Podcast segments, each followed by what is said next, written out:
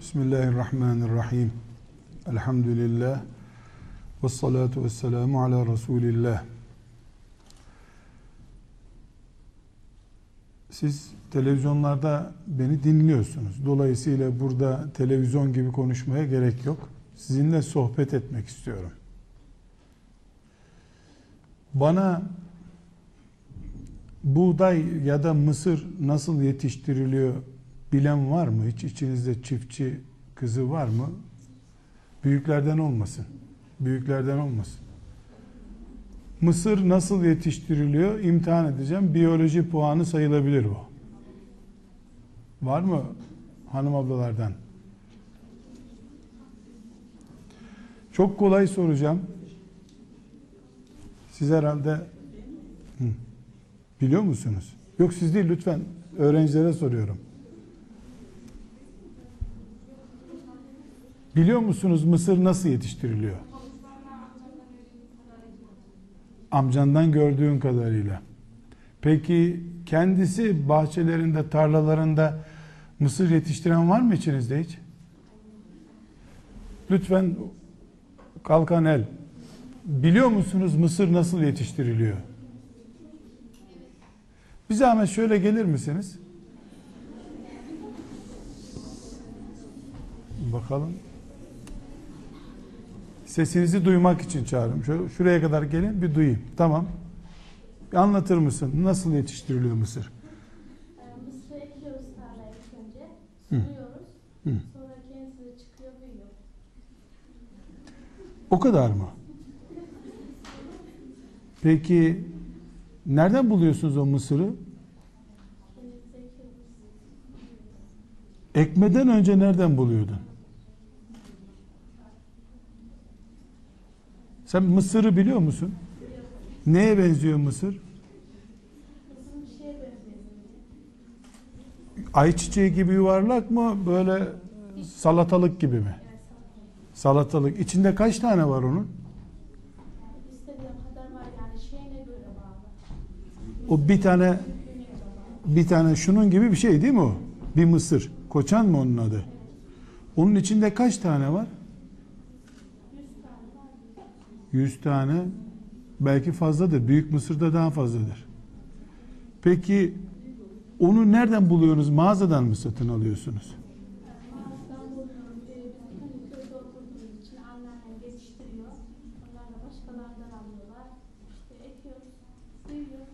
Arkadaşa yardım edecek biri var mı? Biliyor, anlatamıyor. Türkçesi zayıf. Anlatımı zayıf. Var mı? Bu kadar hanımefendiden e, mısır ekmeği anlatacak kimse yok mu? Siz hep ekmek mi yapıyorsunuz hazır mısırdan? Bir gelir misiniz? Bu, tamam buyurun. Şimdi abla adın neydi senin? Kübra abla. Sizin? Sev Selver. Şimdi Kübra abla dedi ki ekiyorsun mısırı çıkıyor dedi. Ulan bu kadar kolay olur mu ekiyorsun çıkıyor. Nereden buluyorsun da ekiyorsun? Bu nereden buluyordur sence? Nereden satın alıyor? Satın alan nereden buluyor?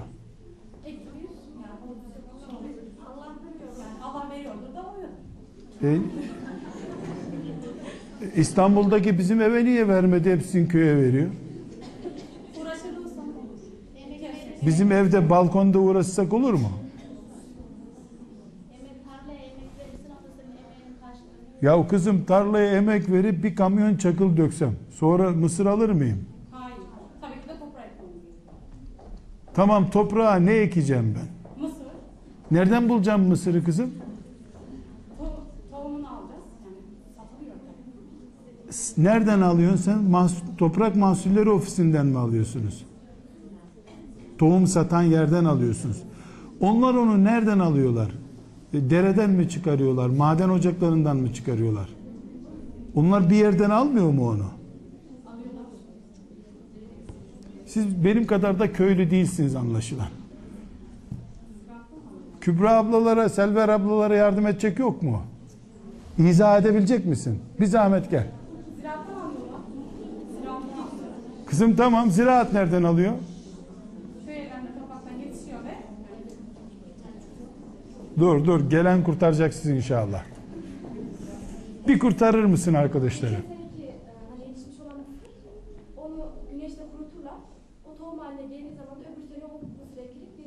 Teşekkür ederim. Güzel. İşte ama alkışlamaya siz alışmayın. Ashab-ı kiram sevindiğinde tekbir getirirlerdi. Boş ver alkışlamayın siz. Dediği bravo çok güzel. Ama aslında e, alkışladığınız köylülüğünü onaylamış oldunuz bunu siz. Ama ben köylü değil bilmişlik, bilgi oturmuşluğu olarak kabul ettim bunu. Şimdi üçü de biliyorlar olayı ama e, hanım ablanın e, spikerliği iyi, iyi özetledi bu işi. Topraktan çıkanı yetiştirirsin, seneye seni doyurur dedi. Öyle dedin değil mi? Çok teşekkür ederim üçünüze de. Buyur. Ama asıl teşekkür tabii iyi konuşana. E Konya'ya gelip de ziraat dersi yapmadan da olmaz herhalde. Konya'ya gelmişiz. Şimdi hanım ablalar, bu hanım kızlarımızla konuştuğumuz şeyi ben özetleyecektim ama elin İstanbul'undan gelmiş Konya'da ziraat öğretiyor dedirtmek istemedim. Hani Konyalılara itiraf ettireyim istedim. Ha, güzel. Allah razı olsun ya. Bu bunun değil herhalde. Sen beni yorma. Bırak abi. Bu bunun değil abi. Şimdi mısır, buğday, fasulye, mutfakta yediğimiz ne varsa bunlar zamanında bir kereliğine Allah bunları insanın toprağından yarattı. İnsanoğlu baktı ki sapsarı bir şey çıkıyor topraktan. Adına ayçiçeği dedi, adına mısır dedi, adına buğday dedi, arpa dedi. Bir kereliğine Allah bunları verdi. Sonra insan ne yaptı? Onu topladı ve bir kısmını mesela 100 kilo topladı mısırı 100 kilonun 5 kilosunu balkonuna koydu. Güneşin altında bıraktı, kuruttu. 95 kilosunu da yedi. Yemek yaptı, şu yaptı, un yaptı, bir şey yaptı, yedi. Seneye o 5 kiloyu bir önceki to sene topraktan aldığı 5 kiloyu tekrar toprağa verdi. O 5 kiloyu 500 kilo olarak aldı. Seneye ondan bu sefer 10 kilo ayırdı. O 10 kiloyu balkonda çatıda bir yerde kuruttu. Küflenmesin diye de ambarına koydu. Aman fareler yemesin diye de çatıya çıkardı. Bir şeyler yaptı. Seneye büyük tarlalara o 500 kilo mısırdan ayırdığı 10 kilo mısırı ekti. 5 ton mısır aldı bu sefer. Buğdayda, mısırda, arpada, ayçiçeği her ne varsa yılda bir defa çıkan onu insanoğlu bu şekilde çoğalttı. İlk defa Allah verdi. Geldi insanoğlu baktı ki yerde böyle bir şeyler var. Nedir bu? Dişledi baktı ki içinde bunun katı bir şey var. Buğday olduğunu anladı. Öğretti Allah. Peygamberler akıl verdi. Bunu övdüm dedi. Neyse. Bu örneği bilelim bilmeyelim biz hissediyoruz. Nasıl hissediyoruz? Şimdi siz ekmek yiyorsunuz. Mısır ununu ya yiyorsunuz ya da o hayvanlara yem yapılıyor. Hayvanları ürün olarak yiyorsunuz ya da yağ yapılıyor.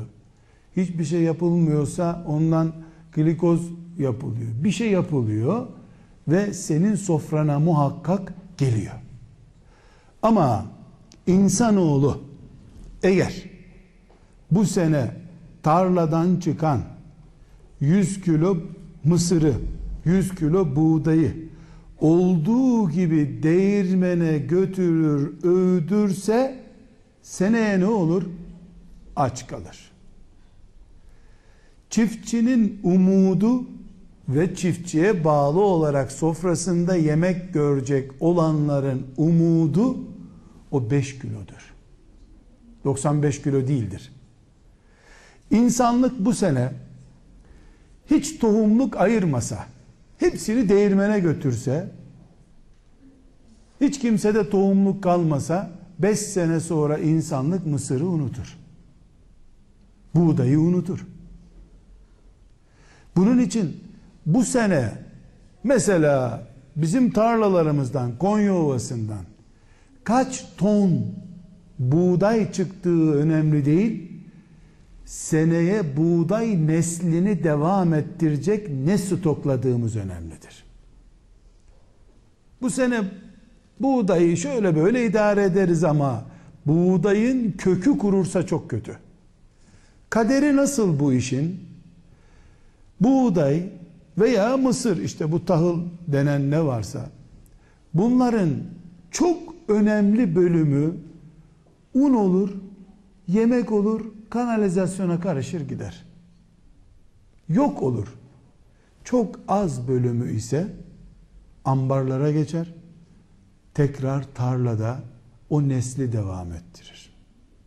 Bu örneğime itirazı olan babası büyük çiftçi kimse var mı içinizde? Benim babam koca çiftçi böyle yapmıyor diyecek. Ya da biyoloji kitaplarında böyle yazmıyor diyecek hanım ablam var mı buralarda? İtiraz kabul ederim. Buraya da çıkarmayacağım söz. Hanım ablalar bu örneği Konya'da ziraatı geliştirmek için anlatmadım. Sizinle milyarlarca insan arasındaki farkı anlatmak istiyorum. Siz Kur'an öğrenmek için bu binada bulunanlar insanlığın tohumusunuz. Fabrika sahipleri, iş yerleri, milyarlarca insan değirmene gidecekler hep. Allah sizi aldı ahlakın Adem Aleyhisselam'ın temiz suyunun devamı için ambarlara koydurdu. Siz insansınız. Onlar da insan. Ama peygamberlerden bize intikal eden üstün ahlak ve şerefli geçmişin zinciri sizsiniz. Evet siz de insansınız. Onlar da insan. Siz de bayanlarsınız. Onlar da bayanlar. Ama farkımız var.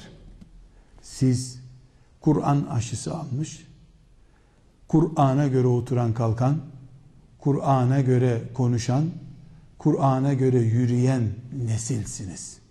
Siz olmasanız, sizin gibi olanlar olmasa, yani Allah'ı Allah olarak bilip, yeryüzünde Allah için yaşayan, bereketli, ta buluğ çağına gelmeden önce Kur'an'la tanışmış, onurlu nesil olarak siz olmasanız, Allah'ın dünyayı devam ettirmesi için bir neden kalmaz. Siz insanlığın devamısınız. Çünkü ahlak sizinle devam edecek. Çünkü din sizinle devam edecek. Siz ümmeti Muhammed'in kurtuluşusunuz. Tıpkı bir ton mısır kaldırıp ondan 50 kilosunu ambarda ilaçlayıp saklayan gerisini de değirmende öğüten ya da sılaç mı ne deniyor ineklere yem yapıp ineklerin de gübresi olarak tarlaya atılan bölüm var. O 950 kilosu mısırın. 50 kilosu sadece hem de iri iri olanlarından 50 kilosu ilaçlanıyor, saklanıyor. Seneye, seneye, seneye belki 500 sene sonra eğer mısır yiyecekse insanlık belki de bugün Konya'da bir çiftçinin tohumluk olarak ayırdığı 50 kiloluk mısırdan o gerçekleşecek. Nasıl bitkide böyle ise insanın ahlakında, dininde de Allah böyle bir kadroyu hep tutuyor. Hafızsınız. İnşallah hepiniz ehli Kur'an olacaksınız. Kur'an'da Allah ne buyuruyor? فَلَوْلَا نَفَرَ min kulli firkatin taifetun minhum liyetefakkahu fid din ve liyunziru kavmahum iza raca'u ileyhim leallehum yahzerun Kur'an'dan okuyoruz değil mi? Bir grup tohumluk kalsın Allah buyuruyor. Tohumluk olsun. فَلَوْلَا نَفَرَ min kulli firkatin taifetun minhum siz böyle topluca cihada çıkıyorsunuz, Medine'yi terk ediyorsunuz. Bir grubu geri bırakın. Onlar Allah'ın dinini, ahlakı öğrensinler. Öbürleri de geri döndüğünde onları eğitecek tohumluk olarak kalsınlar. Siz belki istediniz istemediniz. Analarınız babalarınız istedi.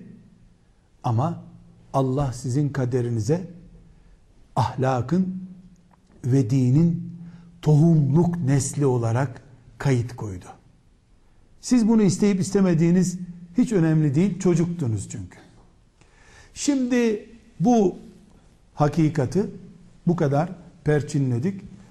Buradan iki şey çıkaracağız hanım ablalar. İki gerçek çıkaracağız. Bu iki gerçeği de size söylemiş olmak için bu örneği verdim. Birincisi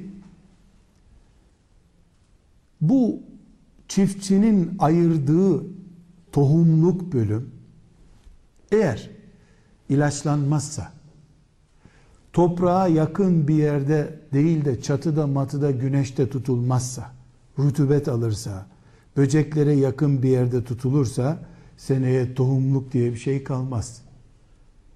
Böcek onun içini yer toz toprak bırakar onu. Ve böcekler özellikle ondan çok hoşlanırlar. Çünkü o mısırın, buğdayın iyi tarafıdır. Etli mısır, etli buğdaydır o. Böcek girdi mi iki günlük rızkını çıkarır oradan. Onun için çiftçi 10 ton da olsa buğdayı onu nasıl olsa satacağım küflü, çamurlu satar onu. Öbürünü yıkar, temizler, ilaçlar. Belki evdeki çocuktan çok ona bakarlar. Çünkü bakmazsan seneye ektiğinde ot bile çıkmaz onun üstünde. İçi boşalmış olur. Tohumluk ayrılanın böceği çok olur. Sizi Allah dini için ve beğendiği ahlak için örnek nesil olarak ayırdı ya insanın canavar böceği olan şeytan da sizin peşinize takılacak. Bunu hiç unutmayacaksınız. Birinci gerçek bu. Bu sebeple duyarsınız. İşte Kur'an kursunda okuduğu halde filan lisede okuyandan daha işte ahlaksız çık. Namaza kalkmıyor. Ondan daha tembel. İşte annesini babasını daha çok üzüyor. Evet doğrudur. Doğrudur. Çünkü zaten şeytanlaşmışla şeytan bir daha uğraşmıyor. Asıl bununla uğraşıyor. Neden? Çünkü bunu Allah tohumluk olarak ayırdı. Bunun üzerinden Aişe neslini devam ettirecek. Bunun üzerinden Asiye neslini devam ettirecek. Meryem neslini devam ettirecek. Belki senin halan, teyzen senin kıymetini bilmiyor. Belki annem baban da sen medreseye gidince, Kur'an öğrenince, ahlak sahibi olunca ne olacağını o da bilmiyor belki. Ama şeytan çok iyi biliyor ki ben şeytan ne biliyor? Ben şu tohumluk 50 tane kızı bozdum mu? Cep telefonunu bunların önüne Kur'an gibi koydum mu? İnternetime de taktım mı? Seneye insanların umudu kalmaz.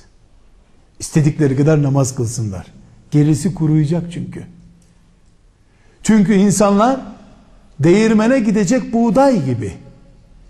Sen Ayşe'nin neslini devam ettirecek tohumluksun. Allah'ın ayırdığısın.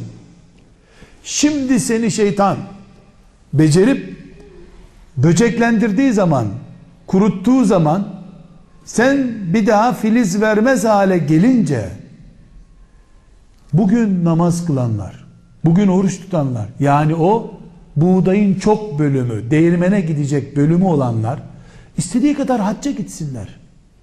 İstediği kadar oruç onlar ölünce ne olacak? Din bitmiş olacak. Onları da bid'atler, hurafeler kuşatacak zaten.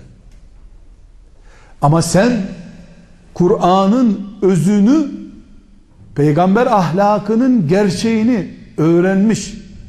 Bunun için 3 sene, 4 sene kampa alınmış birisisin sen. Sen tohumluksun. Seni tarlanın kenarına bırakmamışlar traktör ezip toprağa karıştırmasın diye. Seni almışlar, güneşlik bir yerde kurutuyorlar, ilaçlıyorlar. Sana Resulullah böyle dedi kızım diyorlar. Ebu Bekir'in kızı böyleydi diyorlar. Fatıma böyleydi diyorlar.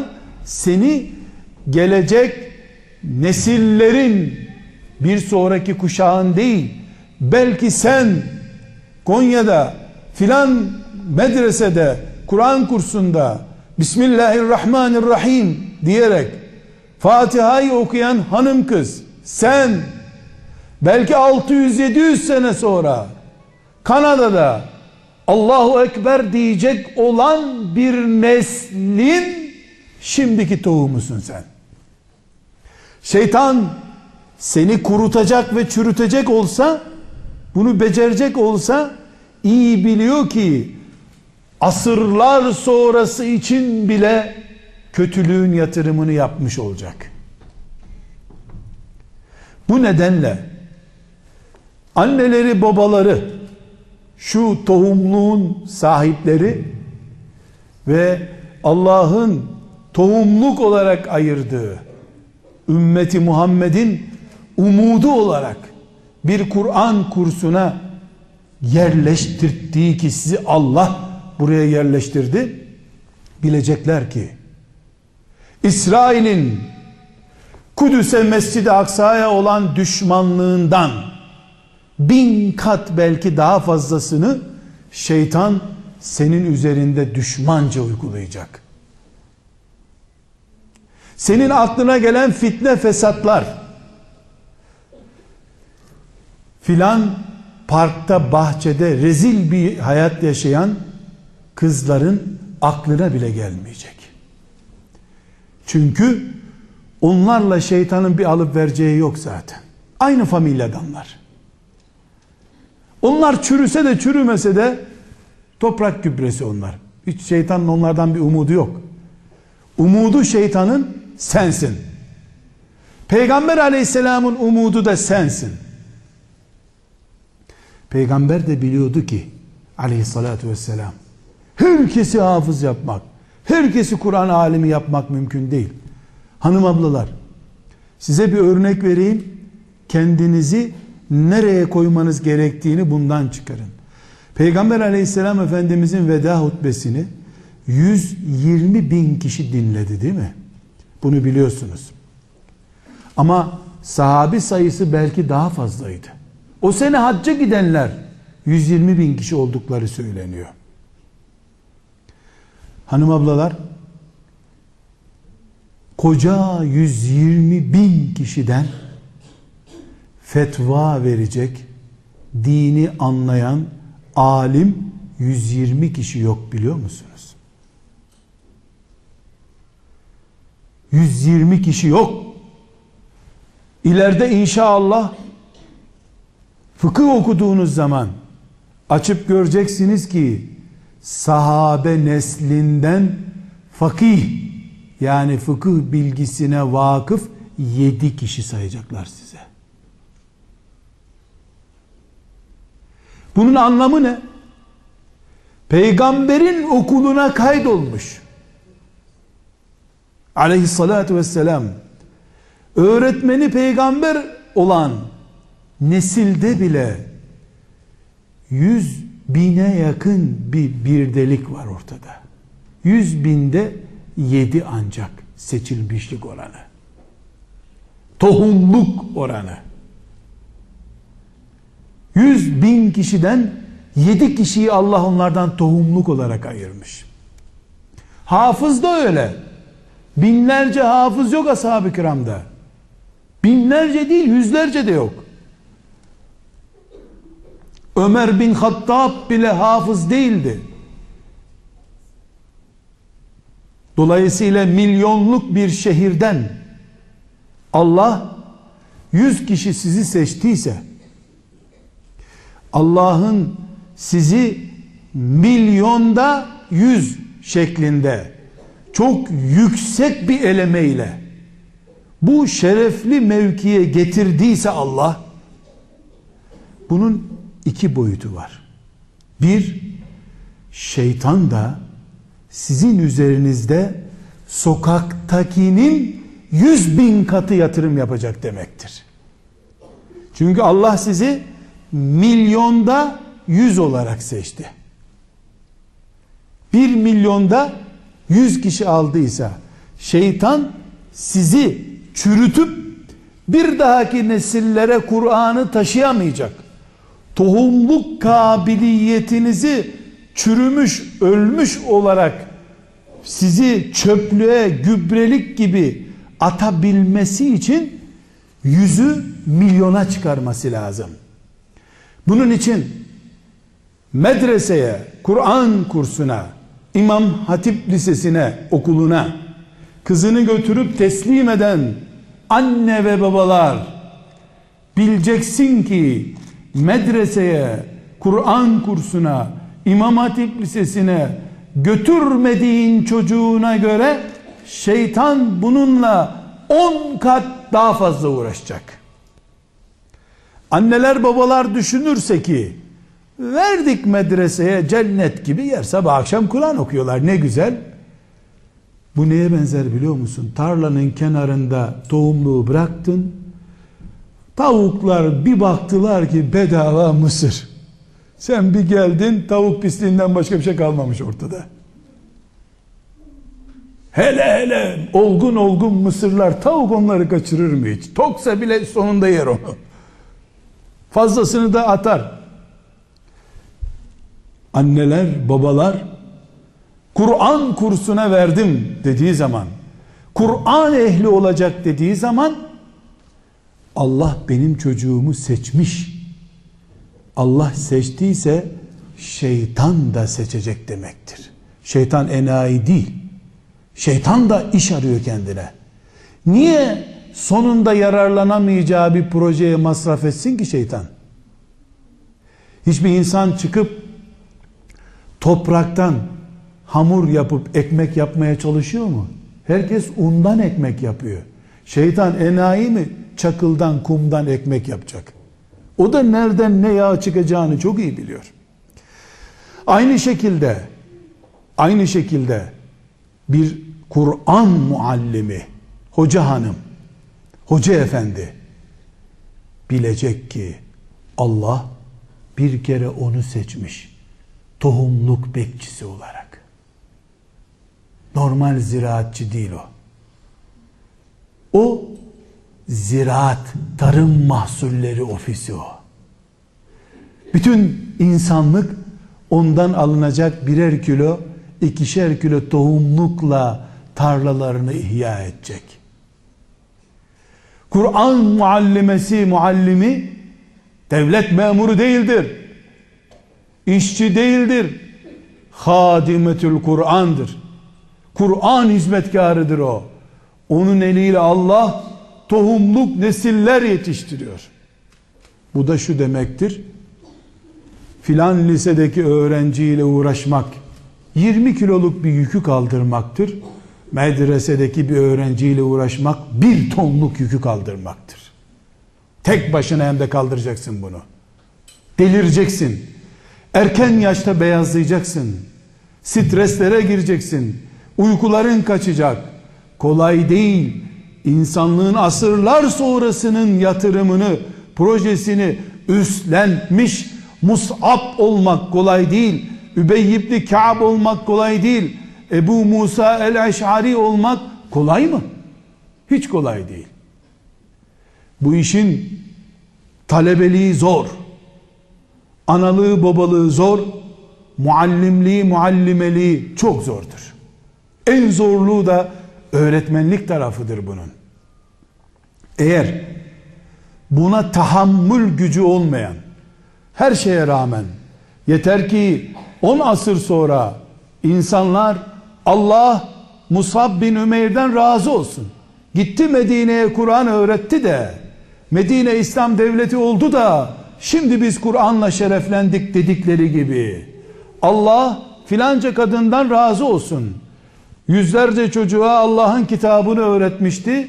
O yüzlerce çocuğun her biri bir tarlayı donattı. O tarlalardan tarlalar, tarlalardan tarlalar bir gün inşallah insanlık Kur'an'la oturan, Kur'an'la kalkan nesil olduğu zaman şimdi bir Fatiha suresi öğreten kadın, erkek, talebe, hoca ve onlara fedakarlıkla destek olan ana baba kimdir? O zaman belli olacak inşallah. Demek ki buraya kadar konuştuklarımızı tekrar özetliyorum. Allah Kur'an talebelerini insanlığın iman tohumları, Kur'an neslinin tohumu olarak seçmiştir. Bunu ashab-ı kiramda da böyle yaptı Allah. Onlardan da seçti bir grubu. Hepsi mümindi. Ama biz Übey ibn Kâb'dan Kur'an öğrendik. Hepsi mümin, mücahit, Halid bin Velid gibi cengaverdiler. Ama Musab bin Ümeyr'in Kur'an'la kurduğu devlette İslam, İslam oldu bize kadar geldi. Hepsi bir kenara, Musab bin Ümeyr bir kenara. Kur'an'ı o taşıdı. O taşıdı. Burada bu gerçek bizi iki hakikate ulaşıyor, ulaştırıyor dedik. Birincisi ne kadar kıymetli, değerliyse şeytan içinde o kadar iyi bir yatırım demektir. Dört gözle şeytana teyakkuz halinde bekleyeceksin. Uyanık olacaksın. Hatta ve hatta sadece örnek olması bakımından genelleme yapmadan söylüyorum. Talebenin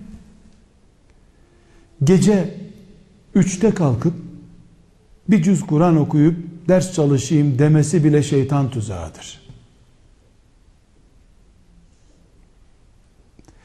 7 saat uyumamış bir öğrencinin ertesi gün performansı yarılara kadar düşmüştür.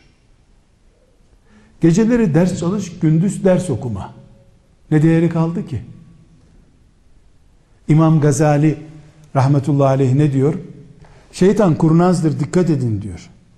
Seni bir heyecanlandırır, tövbe istiğfar, sabaha kadar teheccüd kıldırır sana.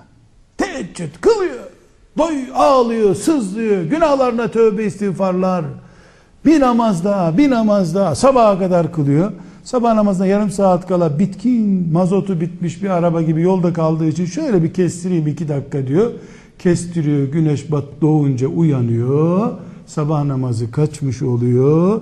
Yüz gece öyle sabaha kadar namaz kılsan sabah namazının karşılığı değil Allah katında. Kim kazandı?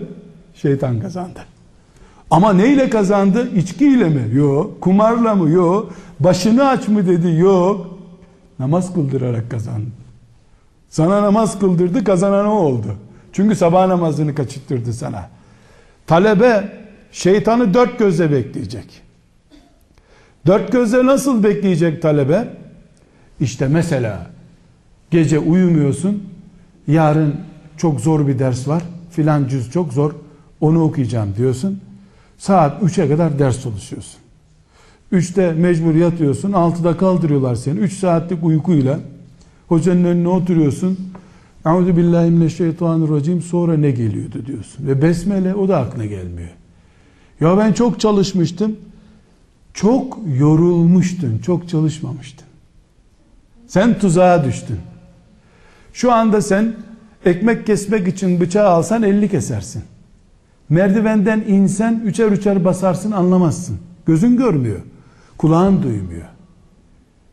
Uyku senin temel ihtiyacındı. Onunla oynadı şeytan ama Kur'an okutarak sana yaptı buna. Bu şeytanın ambalajı güzel tuzaklarına hazırlanmayanların düşeceği tuzak örneklerinden birisidir. Bu nedenle derdi Kur'an olan yani beni Allah bu neslin tohumu olarak ayırdı.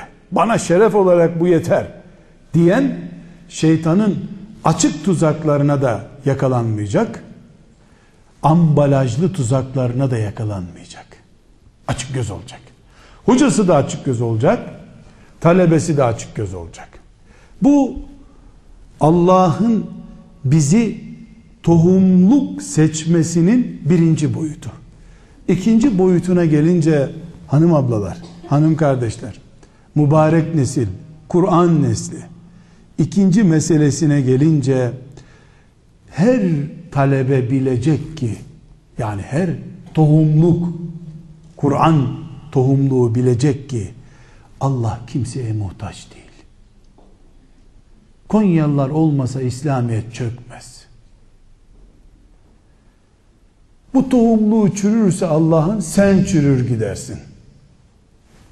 En dinsiz dediğin mümin olmayan diyardan birilerini çıkarır Allah. Kur'an'ını teslim eder onlara. Hiç tohumluk filan yokken Allah Mısır yaratmamış mıydı? Yeniden yaratır. Ama sen kaybedersin. Kıyamet günü herkes 100 metrelik bir çukurdan cehenneme düşer.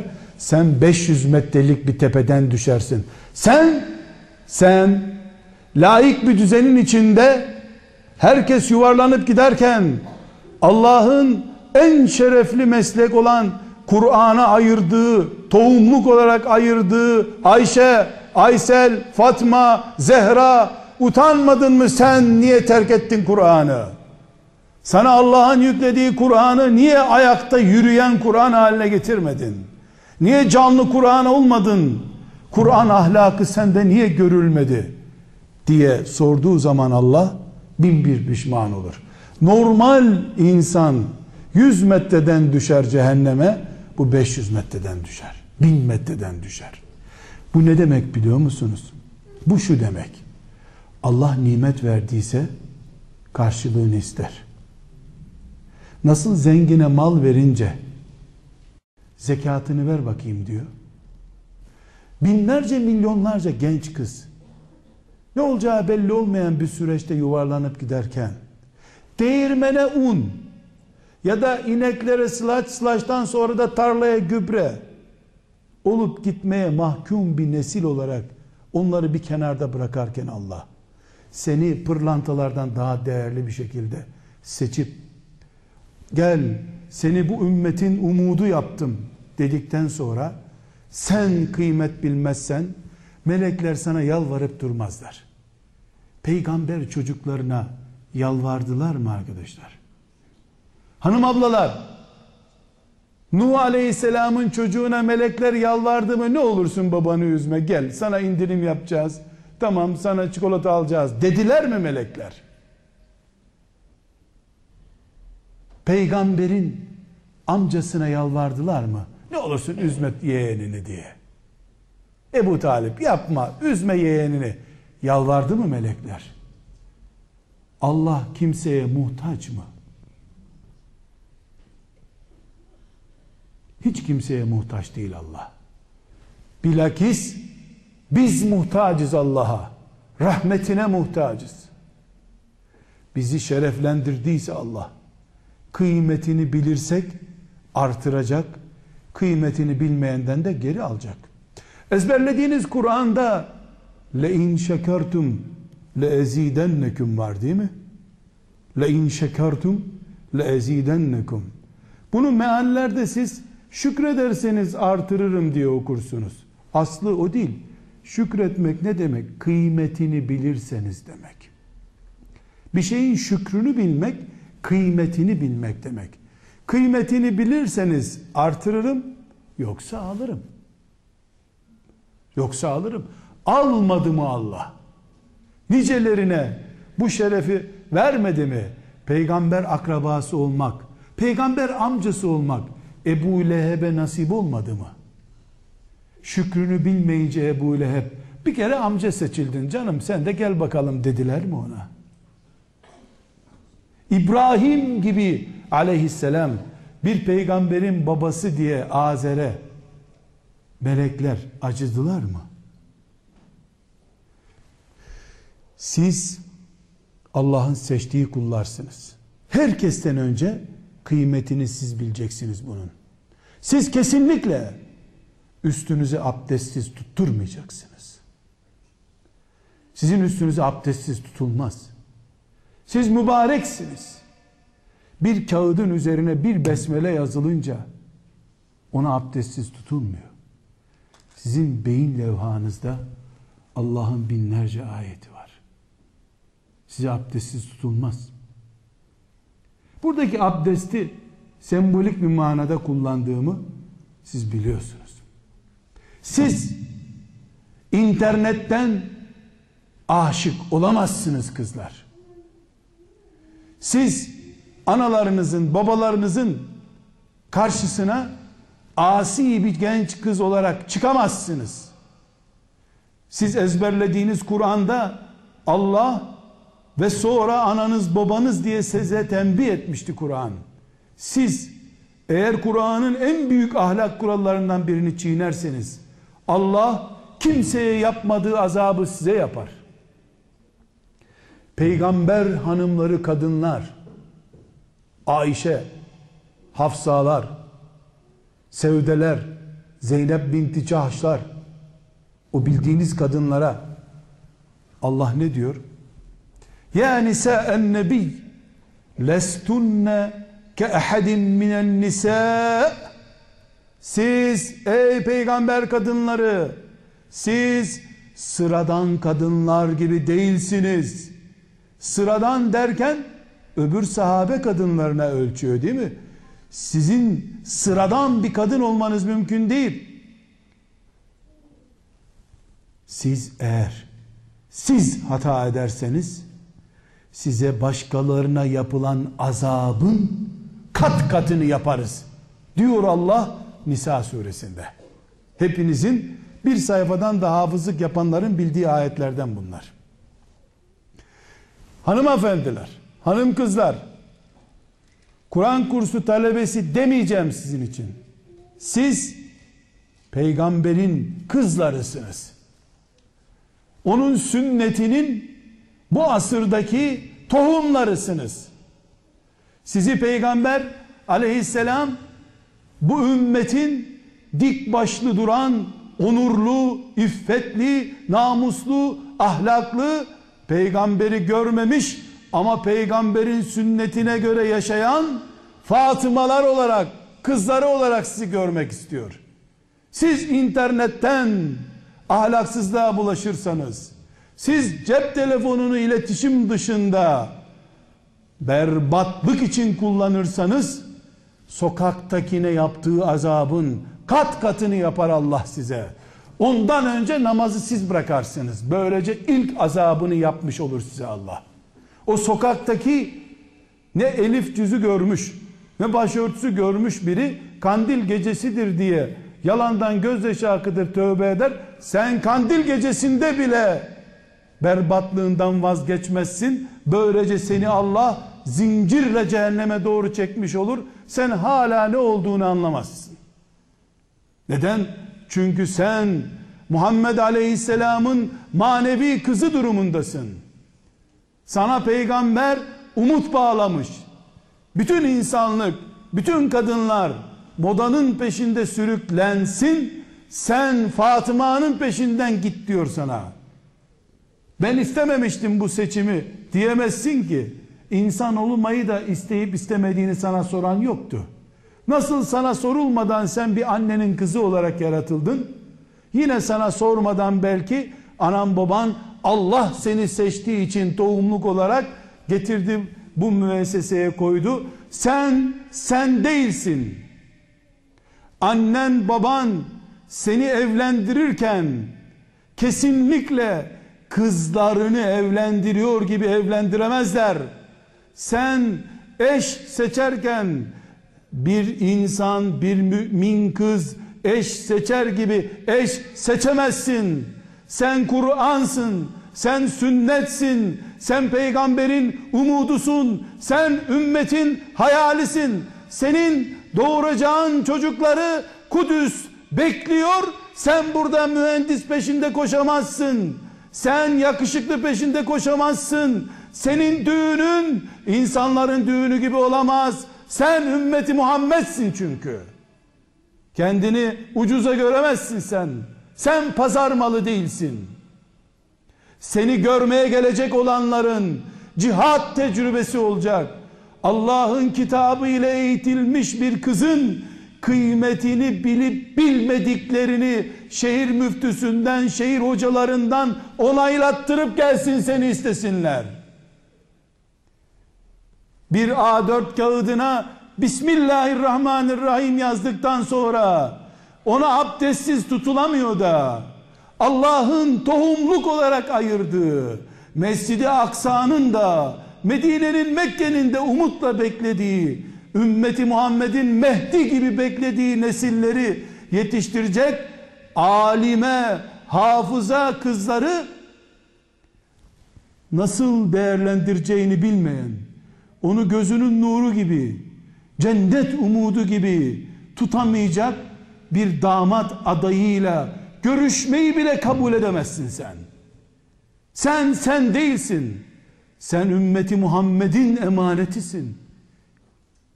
Sen tarihi esersin. Ta Adem Aleyhisselam'dan beri Kabil gibi asilere karşı Habil gibi itaatkar Allah'ın kaderine razı olan ahlaklı neslin eserisin sen. Kendini ucuza satarsan, tavuklara yem olursan, Allah başkasından sorduğundan çok daha fazlasını sorar. Çünkü sen Ayşe değilsin, ümmetin Ayşe'sisin. Sen kübra kız değilsin, ümmeti Muhammed'in kübrasısın. Sen Asiye değilsin, Firavun'un önünde diz çökmeyen, bugünkü internetiyle ve diğer bataklıklarıyla firavunlaşan sistemlerin karşısında erimeyen Asiye misin sen? Senin kararını anan baban değil ümmeti Muhammed verecek. Çünkü sen umutsun. Bu ümmetin umuduyla, anaların babaların umuduyla oynamaya hiç kimsenin hakkı yoktur. Hanım ablalar, bacılar, sizi coşturmak için, ders çalışmaya teşvik etmek için konuşmuyorum. İçimde iman ettiklerimi, kasemen billah, yüreğimden geçenleri söylüyorum. Ben de Allah'ın keşke seçilmiş kulu olsaydım diye imrendiğim şeyi söylüyorum. Yağ yakmıyorum. Edebiyat yapmıyorum. Billahi iman ettiğim şeyi size söylüyorum.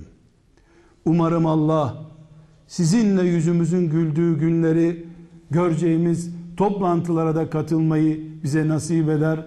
Size bütün yüreğimle dua ediyorum. Allah'a emanet ediyorum. Selamun Aleyküm.